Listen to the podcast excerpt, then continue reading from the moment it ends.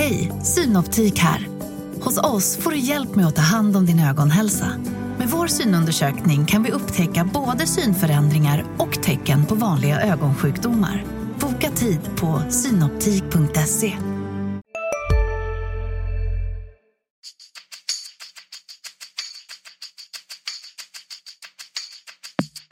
Skönt att komma ut och eh, bara lukta gräset. Så det, är, det är fotboll för mig. Nu är jag här och jag är väldigt glad att eh, kunna spela för det laget som jag har närmast om hjärtat. om å skape tro, om å tro på det vi gjør, jobbe videre. Og vi skal bare ut der, og så skal vi levere. Og det skal vi jo. Basta.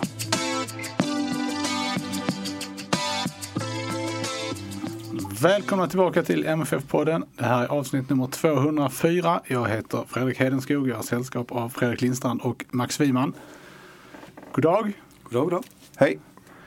Eh, vi har idag den 12 februari. Eh, sedan vi hördes senast så har Malmö FF spelat en jättelång match mot Krasnodar som slutade med förlust 1-3. En jättelång match mot Sparta Prag som slutade med vinst 2-0 och en match där nog andra halvlek kändes jättelång för Malmö FF eh, mot Varberg som slutade 1-3. Och både resultat och spel har ju spretat får man säga så här långt. Eh, så frågan är egentligen vad vi vet om Malmö FF 2020 efter de här tre matcherna. Vi kan väl göra det enkelt för oss och säga att vi avslutar på den här för vi vet ingenting. Nej, det är inte lätt att veta vilket ben man ska stå på. Det finns en del bra grejer och eh, en del, eh, ska vi kalla det frågetecken. Jag tycker efter, jag var ju också nere och tittade på matchen i, på Gamla IP mot, mot Varberg här och efter den så tycker jag ärligt talat att det blev nästan bara frågetecken kvar. En sak som man eh, med säkerhet vet är att eh, Johan Dahlin gör bäst i att hålla sig frisk. Det är sant. Ja. Eh, inte för att, jag tyckte att eh, Mattias, Mattias Nilsson var ju en av de bästa mot Varberg. Ja, jag tyckte han var också, bra han var också bra i, faktiskt i matchen mot Prag. Eh, det är rent målvaktsmässiga. Men, Ja. men det känns som att styrseln på försvaret eh, Försvinner. Jag, fanns jag, inte. och jag tycker att han, eh, alltså Prag tyckte jag han gjorde riktigt bra för att han fick stå väldigt länge i mål. Eh, och, men däremot tyckte jag mot Varberg att det såg darrat ut många gånger. Även om han gör en del räddningar så, så fanns det ingen stabilitet och ingen trygghet i det. Och det, det, det är lite som ni säger att hela försvarsspelet rasar ihop utan Dahlin i mål. Så är det nog. Det För att vara lite hård. Det, är ju, det ser ju aldrig bra ut att släppa in ett mål från halva plan. Men det är ju rimligt att göra det för att han kan ju inte stå på sin mållinje där också. Men det, det, det förstärker ju ofta intrycket. Det kommer, de kommer heller inte spela så många matcher där motståndaren har så mycket vind i ryggen som, de, som Varberg hade i andra halvlek. Ja, Nej, förhoppningsvis spelar de inte så många matcher där de tappar bollen mitt på planen så många gånger heller så att det blir sådana lägen. För det var ju ett väldigt enkelt bolltapp. ja, det var ju lite olyckligt att det var unge David Edvardsson som, som stod för det. Men eh, det, det behöver han inte grotta ner sig i. Det är ju tips. Det konstiga var ju om vi hänger kvar vid den matchen var ju att första kvarten kan man väl säga var man liksom kände wow, de har nog lärt sig någonting när de är i Spanien och det här ser riktigt lovande ut. Det var väldigt fantasifullt och mycket fart och få tillslag. Mm, ja, det var ju svårt att, det, det var intressant när vi fick startelvan. Eh, MFF har ju börjat skriva upp dem i någon slags ordning nu i alla Ja. fall. Så man kan liksom räkna från höger till vänster och sen så vet man då att det är uppskrivet enligt 4-2-3-1 modell. Men det var ändå lite så att man kände lite så, hur ska man skriva upp de här offensiva positionerna? För där var det inte riktigt rätt uppskrivet. Eh, eh, Sören Rex låg till exempel till höger, om man nu räknade från höger till vänster. Men det, och det beror nog på rent eh, eh, fatal tek, vad ska vi säga, tekniska misstag hos de som gör det. För att när är de ett IFK Malmö så kör de allting från vänster till höger. Så de har Ja, men ytterbackarna låg rätt. Så de Vicky gången, låg rätt där. Så det var bara att de eh, sin vana trogen försöker förvilla oss med sina...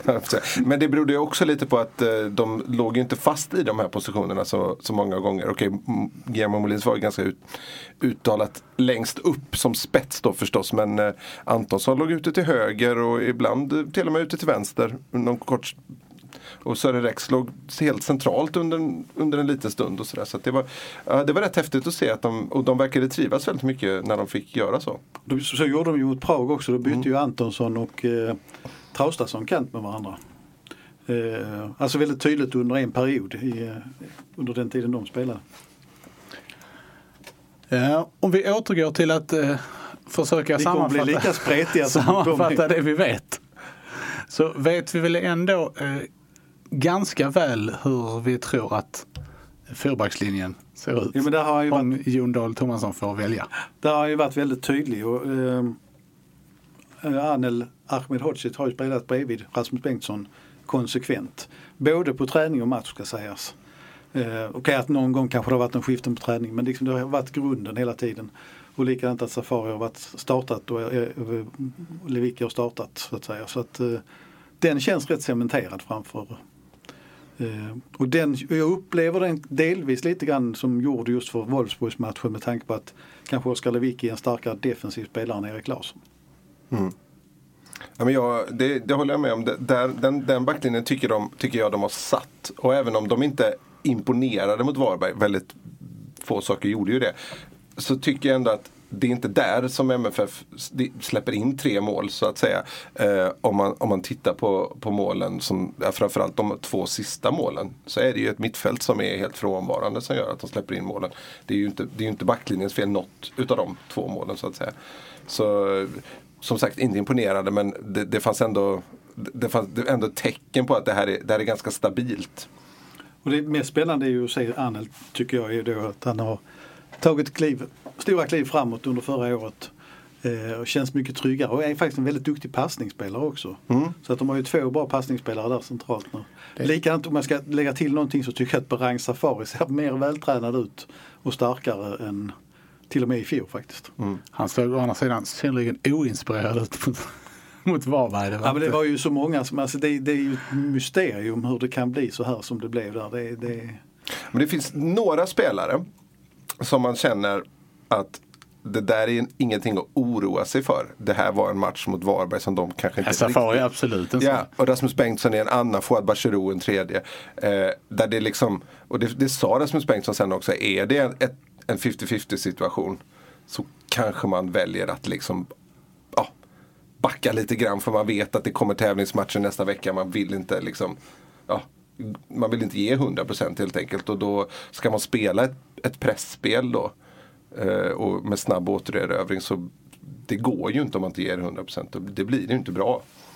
Och där ska man säga också det som väl lite jobbigt för MFF är, är väl eh, att man redan nu ser betydelsen av Anders Christiansen så enormt tydligt.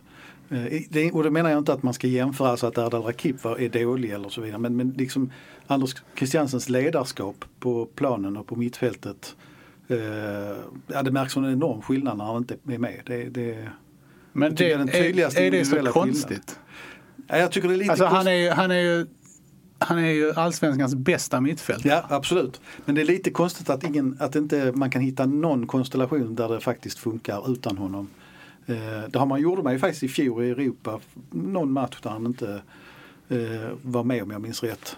Och han, så att eh, han var väl inte med mot Dynamo Kiev till exempel. Nej, det var han inte. Eh, hur tror ni om vi håller oss kvar vid backlinjen? Var, finns det några alternativ eller hur ser, hur ser konkurrensen ut så att säga? Nej men det är ju Erik Larsson mot Oskar Lewicki. Det är Lasse Nilsen mot Arnel men det, där känns det inte som eh, det är någon konkurrens just nu. Nej. Och sen är det möjligtvis som Jonas Knutsen skulle kunna konkurrera med Safari men jag tycker inte där heller riktigt det känns så. Ja, Erik Larsson är ju det här spelsystemets stora förlorare får ja. man ju nästan säga. Uh, nu är han ju tydlig liksom andra fiol där uh, på den kanten. Mitt, min enda med backlinjen så, jag tycker, som sagt defensivt ser det bra ut och uh, offensivt har det väl sett helt okej ut. Men min stora fråga som jag tyckte märktes ganska tydligt mot Varberg. Det är eh, att jag inte riktigt får in de två ytterbackarna i det spelsystemet som liksom på, på ett så filosofiskt plan har förklarats. Det holländska de är ytterbackar. Eller för den sakens skull om man tittar på Jon Dahl Tomas som var här i podden och berättade vilka han inspireras av. Liverpool till exempel. Eh, Manchester City också som har ytterbackar som går jätte, jätte högt upp. Men är det så att man ska se det här som två olika, alltså att det är, att det är ett system för för den typen av matcher som kommer nu, det vill säga Wolfsburg och mm. ett annat system Ja, det är den Om enda det hade varit en vanlig match mot Varberg. Ja, men det är väl den enda rimliga förklaringen. Ja, då hade kanske Erik Larsson spelat och då hade Ja. vi haft en. Ja, det är väl den rimliga förklaringen då, antar jag. Att man, att man börjar nöta det systemet när 16-delarna är överstökade då och man inom citationstecken förhoppningsvis åkt ut så att man kan börja. så att man inte behöver fortsätta då med den här defensiva taktiken. Nej, men det var skämt, allvar- skämt åsido. Men det, det, det är väl lite fascinerande att de inte trycker upp speciellt mycket alls. Oskar Lewicki hade väl eh, han var uppe vid straffområdeslinjen och slog ett inlägg i första halvlek. Det var nästan den enda gången jag tänker att han var där uppe på allvar liksom och hade löpt med och så. Och Safari var inte med mycket uppe heller. Och det är liksom de har ju blivit Både Lewicki, Lewicki har ju alltid varit central men Berang Safari har ju centraliserats de senaste åren och nu plötsligt ska de vara ytterbackar med jättestora offensiva löpuppdrag och det, jag vet inte riktigt om de är rätt spelartyper för det. Det har inte sett ut så, det såg definitivt inte ut så igår. Jag tror Safari fixar det om han begränsar så han inte spelar alla matcher. Men, men Lewicki känns ju inte som den typen alls. Det är, Om vi flyttar upp ett hack i banan då ehm, så är det ju med det här eh, med tvåan i 4-2-3-1 så känns det också som att vi vet väldigt väl vilka två det är. ja, det, måtte inte Batshiro flytta i vinter efter flyttat till USA här sen. Nej men det är väl väldigt tydligt att, att det är Batshiro avser. Det är samma sak där på träning nere i Spanien så var det ju konsekvent att man, han körde med dem. Så, eh, och där är naturligtvis ACs lilla skada nu ett orostecken även om man påstås ha varit ute på träningen eh, för de som inte spelade match igår. Ja, precis. Det var liksom som att det förklarades som att han hade deltagit i, i passet. Alltså i spelet. I den här eh, 3 gånger 15 minuters matchen mot Ja. Det blev lite lustigt. Jag tror nästan inte någon från media det var, råkade vara på just den träningen. Så att det blev, eh, man vet väl inte riktigt vad, vad som försiggick där. Det, det känns ju lite grann som att eh, det är MFFs nya giv. De gör- lägger två verksamheter på, Per dag, per dag så man inte vet riktigt vilken det är som gäller. Ja, precis. Att det inte var någon. Det var ingen stängd träning men det var ingen media där. Det måste ju nästan varit en unik händelse i Malmö på, på de senaste tio åren nästan. Eh, om vi flyttar fram då ett eh, steg ytterligare i banan till trean i 4-2-3-1 eh, formationen så är det ju lite mer eh, att prata om känns det som. Ja, där, och det är nu jag tycker det börjar bli lite rörigt faktiskt. Om jag ska vara- uttrycka det lite, eh, vad ska jag säga, så, utan att vara en, en, en Är tak, det, vi taktiskt börjar så här, är det, är, det någon, är det någon som är given där? Traustason. Traustason säger jag också. Ja. Så Nu får du återgå i ditt, till ditt resonemang. Nej, men jag, jag har faktiskt tänkt, tänkt en hel del på det efter, eh, efter att ha sett insatsen mot Varberg. Jag började tänka på det redan nere i Spanien. När man inte är så insatt fotbollstaktiskt tekniskt. För det låter ju väldigt bra det här med offensiven. Men, men, eh, och jag köper fullt ut att det är, Malmö har de kreativa spelarna så att de här fyra ska kunna vara väldigt rörliga. Men ni som har spelat mer fotboll, bollen måste ju också komma dit. Och det jag tyckte man såg mot Varberg och kanske delvis lite grann i Spanien var också att jag såg inte riktigt mönstret hur verkligen bollen skulle komma fram. Någonstans måste det finnas en bra mottagning och bra positioner. Eh, Och jag tyckte det blev väldigt tydligt mot Varberg där Batshirut passade mer i sidled och bakåt nästan. Och försökte han passa framåt så gick den rakt till Varbergsspelare. Det var precis som inte det fanns Det fattas någonting i det här systemet eh, för att ge de här fyra fritt fram där framme. Men är det, inte- är det inte ytterbackarna? Jo, jag skulle precis Det kan vara så säga att det. Man spelar upp till i mitten fanns... så måste man kunna släppa ut den sen. Ja, för det, blev väldigt, det var väldigt lätt för Varberg att räkna in. Eh, antingen gick man hårt upp i ryggen på Molins, eh, som inte hade en jättestor dag vad det kommer till eh, att skydda boll eh, för mittbacken. Eh, eller så liksom stängde man av eh, de här vad ska man säga, yttertre, yttrarna i trean. Att man hela tiden kunde ligga två på dem eftersom ingen kom på överlapp egentligen. Så då, då fick MFF hålla till centralt. Och det ska man ju normalt sett göra. Det vill ju eh, MFF, så vill ju MFF spela i år. Men det ska inte vara lika mycket motståndare i den ytan. Det är tanken. Nej, det, det som, där, där blev jag också lite förbryllad. Så man pratar så tydligt och spelarna också säger att det ska spelas centralt. Och då är det ju lite grann att ytterbackarna inte ska komma upp. Eh, Men gör de inte det så, så blir det ju grötet. Nej, de Sen- behöver ju komma upp för att dra, dra på sig motståndare. Och sen om man fortsätter där och liksom spinna runt det här så, så är det ett, det är också där tycker jag man ser hur han har matchat laget. Att vilka är de här spelarna där framme egentligen? Alltså om vi bara tittar på for, rena forwards, Molins, Antonsson eh, och Nalic och Thelin. Alltså plötsligt det känns ingenting riktigt självklart. Eh, jag tyckte till exempel att Adi Nalic gjorde ett väldigt lovande start mot IFK Malmö och även började bra mot Krasnodar. Men sen ju mer man tittar på honom så ja, det är ju någonting som fattas. Det är ju 7-8 tillslag på bollen och det är lite Tobias Gran över det. Eh, det tar för lång tid och det, det kommer de ju inte ha råd mot mot Wolfsburg i alla fall. Nu spretar jag iväg igen. Ja. Men vi, kan man uppleva att det, eh, upplever du Max att det är liksom att det verkligen är så jämnt eller finns det någon sorts eh, prioordning på Alltså- spelarna? Jag trodde ju att Thelin var prio ett. Punkt slut, verkligen. Jag trodde först att det var Thelin och Nalic men sen blev jag osäker på det. Men sen i och med att inte Thelin spelade igår så blev man lite förbryllad över det. Eh, jag tycker det, det är tydligt att det saknas ett, naturligtvis en Marcus Rosenberg, en ledare där framme som är självklar. Det, det gör jag nog. Jag vet inte vad ni säger. I avsaknad av denna Marcus Rosenberg. Vad är... Nej men, Nej, men det- det så finns- du, har du, håller du med Max? Eller har du... Ja, nej, jag skulle också säga det för att det, det är liksom som att eh, MFF behöver mer än någonting bygga en, en framfyra så att säga. Om vi kan få använda det slarviga uttrycket. Men eftersom ingen är säker på sin plats överhuvudtaget och det kan vara en bra sak i viss utsträckning. Men det gör också att alla spelar lite för sig själva just nu för att de vill visa att de ska ha en plats. Många är väldigt sugna på att ja, göra ett mål som man blir så att säga opetbar då eller, något, eller vad det kan vara. Liksom. Det gör att man får inte riktigt ihop det kollektiva så som man skulle behöva göra. Och, jag menar, nu är det mycket inspiration och mycket glädje och det är ju förstås bra men, men om man, man, man får ju liksom inte för den sakens skull tappa strukturen i det man gör. Det, för att man, det kan ju också bli, man kan också bli väldigt lidande av, av fria roller om, om det inte funkar för någon. Då blir det ju liksom att laget försöker spela upp på de här offensiva fyran som inte lyckas med någonting och då kommer nästa våg av motståndare hela tiden och det såg man ju i andra halvlek då. Om vi har, eftersom det ändå är, är Wolfsburg eh, matcherna som, som är fokus för tillfället. Ja, där är en cupmatch mot Syrianska Ja. mitt i alltihopa också. Det är det. Syrianska som numera är ett eh, division 1-lag igen. De, blev ju, de åkte ur superettan men blev också degraderade till division 2.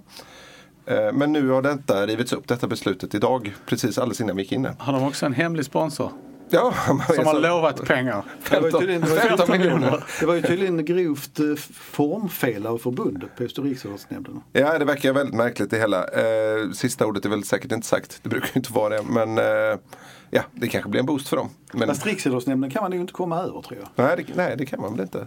Nej. Då möter MFF ett division 1-lag. Ja. Um, tappar tråden lite men eh, Jo, alltså den här framfyran. Och- Mm. Det är inget vackert ord. Vi får komma på, vi får komma på. frihet, frihet under ansvar. Vilka, vilka ser ni då? Alltså, om, vi, om jag tvingar er Jag jag bara får att säga, prata om en uppställning här. det, det som gör det ännu svårare för oss det är ju att eh, Först valde Jon Thomasson att köra rena elvor nere i Spanien. Sen nu när de möter Varberg så väljer han att matcha en elva och resten tränar. Och på lördag när de ska spela cupmatch så ska ett gäng spela cupmatch och ett annat gäng ska spela träningsmatch. Vi får ju inte ens se naturliga byten ännu. Och jag, jag, I grunden kan jag tycka det är jättebra att alla får mycket speltid. Men eh, det ger ju inte riktigt möjligheten att, kom, att se olika alternativ tillsammans. Alltså om vi leker med tanken att eh, eh Molins hade börjat med, eh, om vi säger Nalic då igår, men sen hade bytts av av Kiese Thelin så hade man ju sett om någonting förändrades då. Så därför tror jag att det är väldigt svårt. Jag tror Thomasson har en ganska klar plan. Det måste Där. han ju göra naturligtvis. Ja, vad han vill. Min, min gissning, för det känns som att du har ställt frågan på fem Hej, Ulf Kristersson här. På många sätt är det en mörk tid vi lever i. Men nu tar vi ett stort steg för att göra Sverige till en tryggare och säkrare plats. Sverige är nu medlem i Nato. En för alla, alla för en. Vi är specialister på det vi gör, precis som du. Därför försäkrar vi på Swedea bara småföretag, som ditt. För oss är små företag alltid större än stora och vår företagsförsäkring anpassar sig helt efter firmans förutsättningar. Gå in på swedea.se företag och jämför själv. På olika sätt. Ja, vi har liksom kringgått det. Jag tror Värdelöst. att Thelin spelar på topp och jag tror att det blir, eh, om vi får formera dem då, så blir det Rex på ena kanten, Traustason på den andra. Och så tror jag faktiskt att Jo Inge Berget eh, går in centralt. Oopsie daisy. Det är ju bra med någon som kan slå straffar på plan. Exakt! Ja, men det, är, men det, det är lite intressant att du säger ju Inge Berget därför att det är ju så att ingen har riktigt fungerat i den rollen fullt ut. Alltså. Nalic har haft tendenserna men, men det har inte riktigt blivit bra. Där. Så Nej att, precis. Ja, men nu gör han, vad är det, försök nummer tre nu. eh, För att liksom bevisa för en ny tränare att det är central han ska vara. Det jag skulle kunna köpa, det, det jag tycker är smart om han skulle spela Berget där det är eh, om man tänker på Wolfsburgsmatchen att han är en hårt arbetande spelare bakåt. Man får ju ett, en gedigen press där av honom och man får en gedigen pressspelare i Arno Traustason. Det är löpstarka spelare. Inget ont om Antonsson och Molins men de är ju inte lika starka på att jobba neråt i banan. Det kan vi väl ändå konstatera. Ja, det känns ju vad gäller Nalic så känns det kanske det steget att spela borta mot Wolfsburg lite stort i nuläget. Ja, det- låter lite konstigt men för mig har han spelat sig lite baklänges i hackordningen. Ehm, Men jag ska säga att det finns en enorm kapacitet i honom. Och snappar han de här sista procenten att det måste gå fortare. Eh, för det var ju eh, väldigt tydligt tyckte jag. Jag pratade med någon MFF-legendar på läktaren. Behöver inte namnge honom men han, var just, han sa det 7-8. Det spelar ingen roll om man är världens bästa fotbollsspelare om man bara spelar för sig själv. Eh, 7-8 tillslag på bollen funkar inte. Nej, det är någonting om det. Och det är, det är ju, han har ju inte så mycket tid på sig nu om man ska liksom se. Han kanske är något av en late bloomer. Men så satt och tänkte på det att, man att narrativet kring Adi Nalic har ju den här vintern varit att han är ung. Och MFF ger unga chansen och så vidare. Att han, han fyller ju faktiskt 23 år. Man jämför då med eh, nu i, han fyller ju sent då va.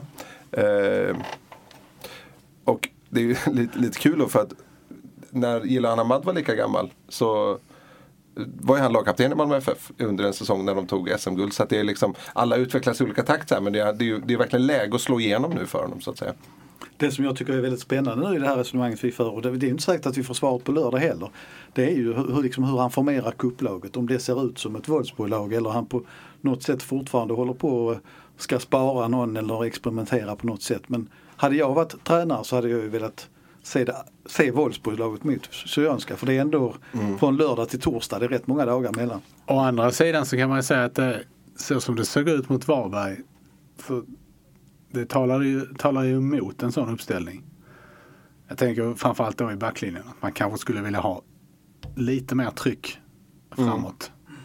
Än vad de kunde bjuda på. Ja, naturligtvis så kan det vara. Men det blir ju annorlunda om Traustason är på planen till exempel.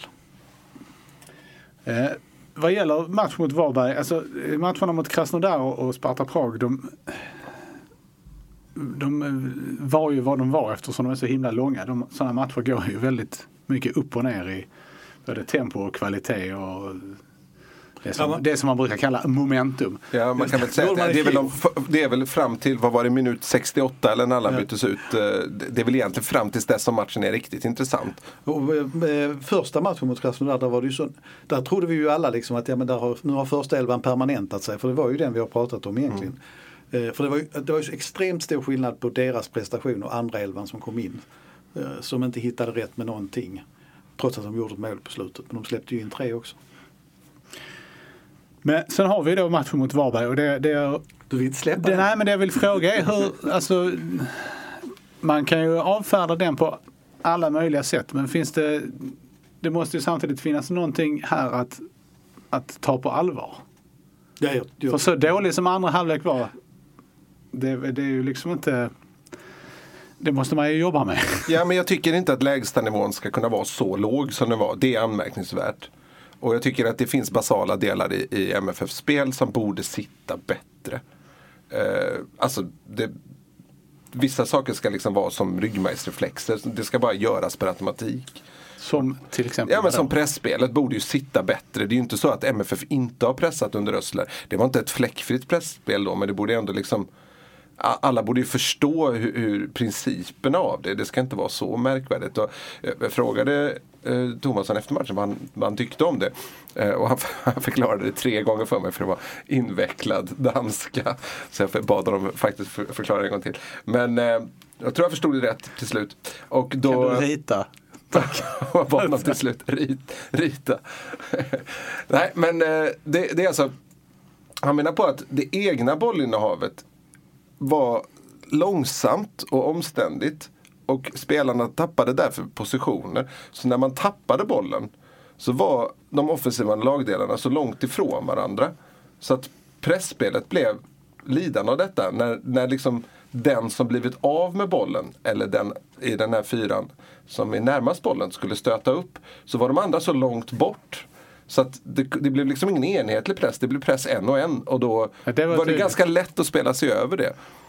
Och efter det så hittade ju Varberg snabbt igenom mittfältet. Och det är ju detta det är också där han vi inte riktigt lyckades reda ut exakt vad han menade men han pratade om sin femsekundersregel. Som, eh, om vi förstår, jag förstått hela rätt, alltså att du ska vara i sån position så att om du tappar bollen ska du kunna vinna tillbaka den inom fem sekunder. Annars är det kört. Annars blir du passerad. Ja, och den, ja, det var ju 35 sekunders regel många gånger. Nej, det är ju, Varberg tilläts ju ha mycket boll i, under perioder och det var ju Och nej, men det- speciellt att se. Och det du säger Fredrik, det är klart jag, jag tycker hade jag varit MFF-tränare så hade jag tagit det på väldigt stort allvar. Jag, jag tycker inte att ett lag får uppträda på det sättet som, som de gjorde när det är så nära en viktig match.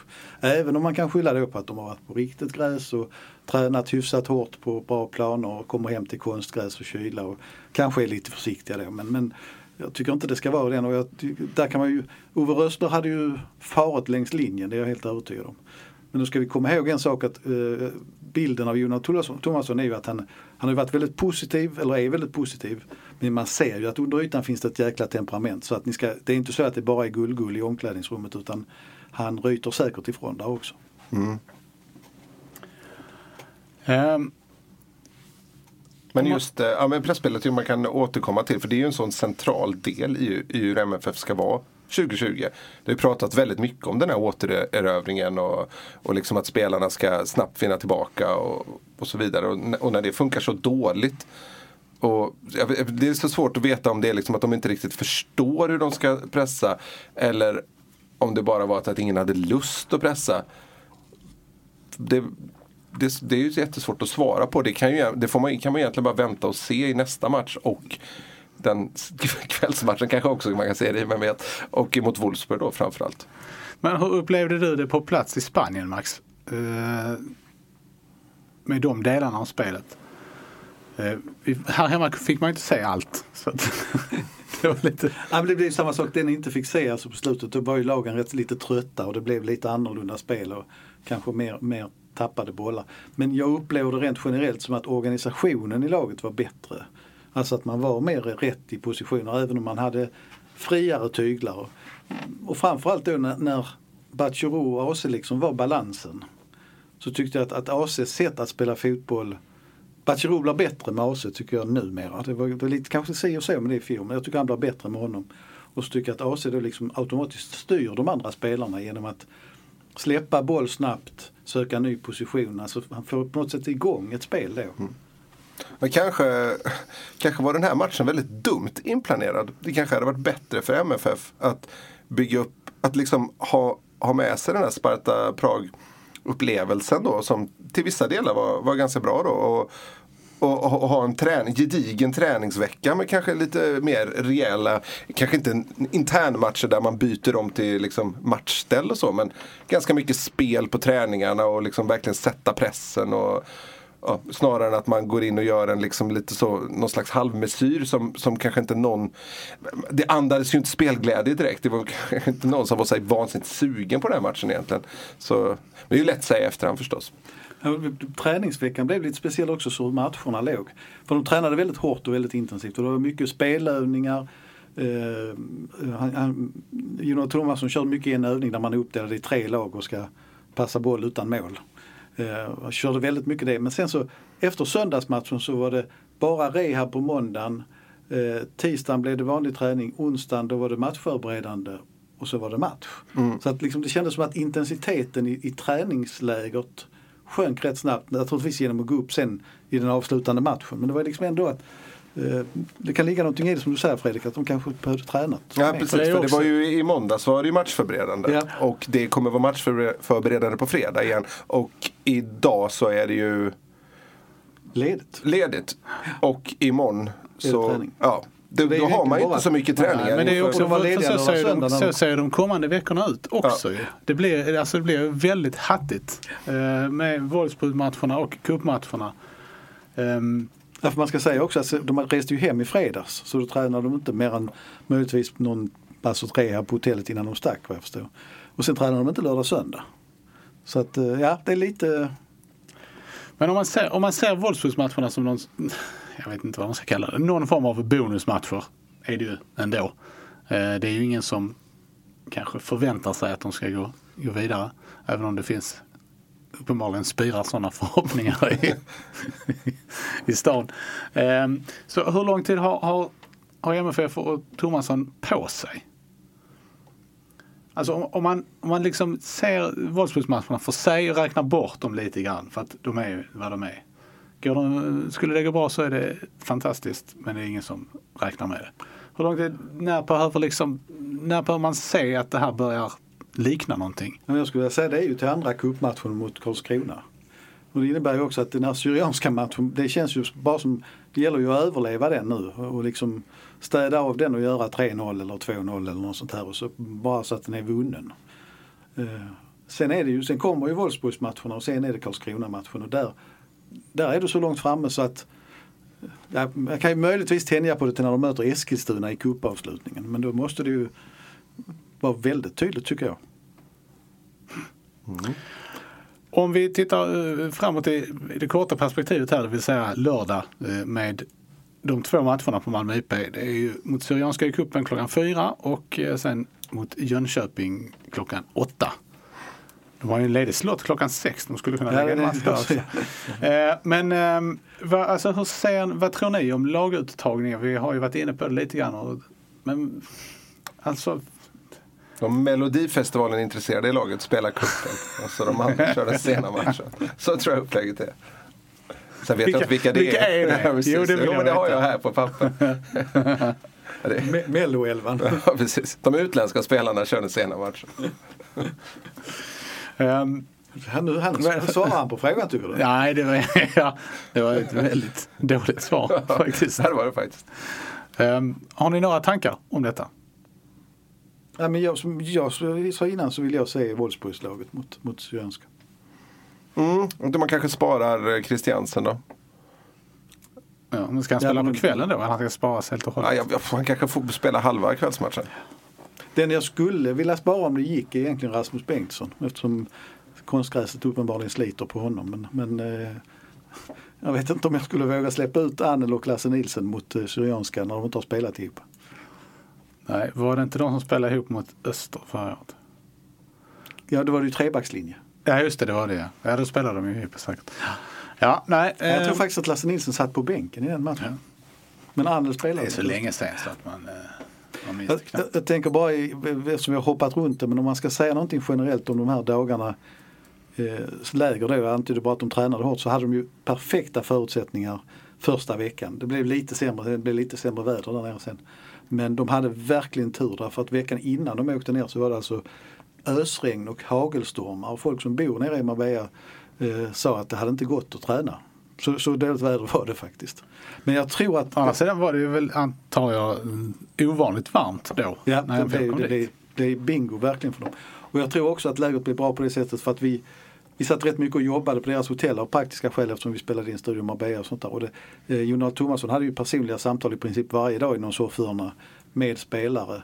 Eh, och eh, med var ju då också även eh, den nya assisterande Remi som är liksom de som är närmast A-laget på det sättet. Och samt, så de fick ju väldigt mycket tid med spelarna. Plus att eh, nye Bäckström, Daniel Bäckström eh, som för övrigt verkar vara en oerhört populär person eh, som, som assisterande tränare eh, fick liksom sin chans att komma in i gruppen. Så jag tror att de, det var kanske väl så viktigt om vi pratar på lite längre sikt att ett helt ny stab fick jobba sig ihop och lära känna spelarna. Ja, för det, någonstans är det också viktigt för, eh, för Jon Dahl Tomasson att att våga stå fast vid den här idén nu. Att inte liksom vika sig. För det är ju framförallt allsvenskan som är, som är det stora i år. Liksom. Som, som alla år förstås. Men det var liksom, det blev, Chelsea blev ju det, MFF gick ju upp så mycket i Chelsea-matcherna så att det blev ju liksom kanske lite lidande på sikt. Då, men nu, nu finns det ju en, en långsiktig plan som är viktig att, att, att minnas här.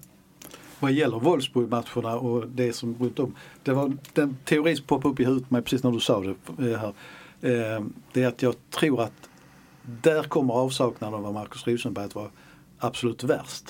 Jag tror att det blir annorlunda sen när man kommer in i cup och allsvenska liksom lunken här. Då tror jag det kommer att anpassa sig bättre utan Rosenberg. Men, men hans intensitet, vilja och erfarenhet och framgång i Europaspelet. Där, den tror jag kommer att saknas väldigt mycket mot Wolfsburg. Um, vi har ju, jag tänkte den här um, kvällsmatchen på lördag, att den blev inlagd här mitt i veckan. Uh, eller ja, någorlunda i mitt i veckan. Yeah. Bestämd på väldigt, med väldigt kort varsel. Hur, hur tolkar ni det? Ska man, är det bara att uh, folk behöver få speltid eller är det så att uh, Thomasson känner, lite, känner sig lite obekväm med eh, liksom, i vilken fas man är i? Han verkar ju vilja förbereda spelarna med hjälp av matcher snarare än, än långa träningsgenomgångar. För då vill han liksom då verkar han vilja nöta andra saker som liksom bolltempo och sådär. Alltså sånt som man vill. Och så det själva de taktiska bitarna övar man på i match. Liksom, för att bara match kan vara match. Så att säga. Så det, det är väl så man ska tolka det. Och det kommer ju, MFF kommer ju behöva lufta truppen när kuppen och, och Europa drar igång samtidigt. Så det, det, är väl inte svårare än så egentligen tänker jag. Han vill ha, ha, ha alla igång. Truppen måste ju bantas på något sätt också för de kan inte vara så många som de är nu. Men där var ju en, en tendens, vad man såg nere i Marbella, att de unga faktiskt, alltså riktigt unga, var de som hamnade längst bak i kön. Eh, alltså Amel Mujanic fick ingen speltid, den fick Bonke Innocent. Eh, Tim Pritcha tycker jag det är den spelare jag känner mest för att eh, det är lite synd att han inte vad ska vi säga, får en, en chans. Sen är konkurrensen tuffast där men hans vänsterfot skulle jag vilja se i allsvenskan också. Men jag är osäker på om han verkligen kommer att vara kvar i Malmö FF med så lite speltid som man kan komma få. Så att, eh, det är ju också en intressant eh, grej att se på lördag kväll om, om de här unga får någon speltid. Mm. Eh, apropå lördag kväll så är det, den mest brännande frågan Max är ju vad väljer du? det, är en, det är en intressekonflikt. Modell större. Nej, intresset för Mello är inte riktigt som det har varit på sitt sätt. Men jag kommer att vara och titta på MFFs kvällsmatch och kommer att kompensera det hela genom att gå med barnbarnen på genrepet i Malmö Arena nästa lördag på Mello. Ja, det känns skönt. Så det liksom blir lite av båda världarna. Ja, bra. Då vet ni det. Mm. Sydsvenskan. Alltid på plats. Nästan i alla fall. eh, vi säger så för den här gången. Vi kommer att återkomma eh, på måndag eftermiddag någon gång med nästa avsnitt. Mm, då, då blir det väl lite mer Wolfsburgs fokus. Se om de har kvar samma tränare. Ja. Ja, jag, jag, jag, någonstans känns det som att vi vet lite mer. För vet vi inte mer på måndag då kan man bli riktigt orolig. precis, precis. Vi hoppas på det. Eh, det här har varit avsnitt nummer 204 av MFF-podden där vi anser att konstgräs ska förbjudas i svensk elitfotboll. Jag heter Fredrik Hedenskog. Jag har sällskap av Max Wiman och Fredrik Lindstrand. Och ansvarig utgivare är Pia Renqvist. Tack för oss. Hej hej! Hej då!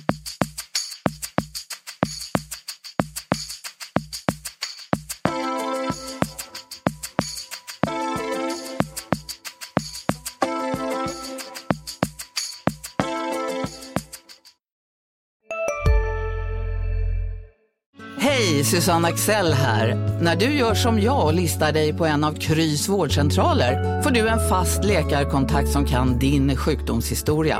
Du får träffa erfarna specialister, tillgång till lättakuten och så kan du chatta med vårdpersonalen. Så gör ditt viktigaste val idag, lista dig hos Kry. En nyhet. Nu kan du teckna livförsäkring hos Trygg-Hansa. Den ger dina nära ersättning som kan användas på det sätt som hjälper bäst. En försäkring för dig och till de som älskar dig. Läs mer och teckna på trygghansa.se. Trygg Hansa. Trygghet för livet.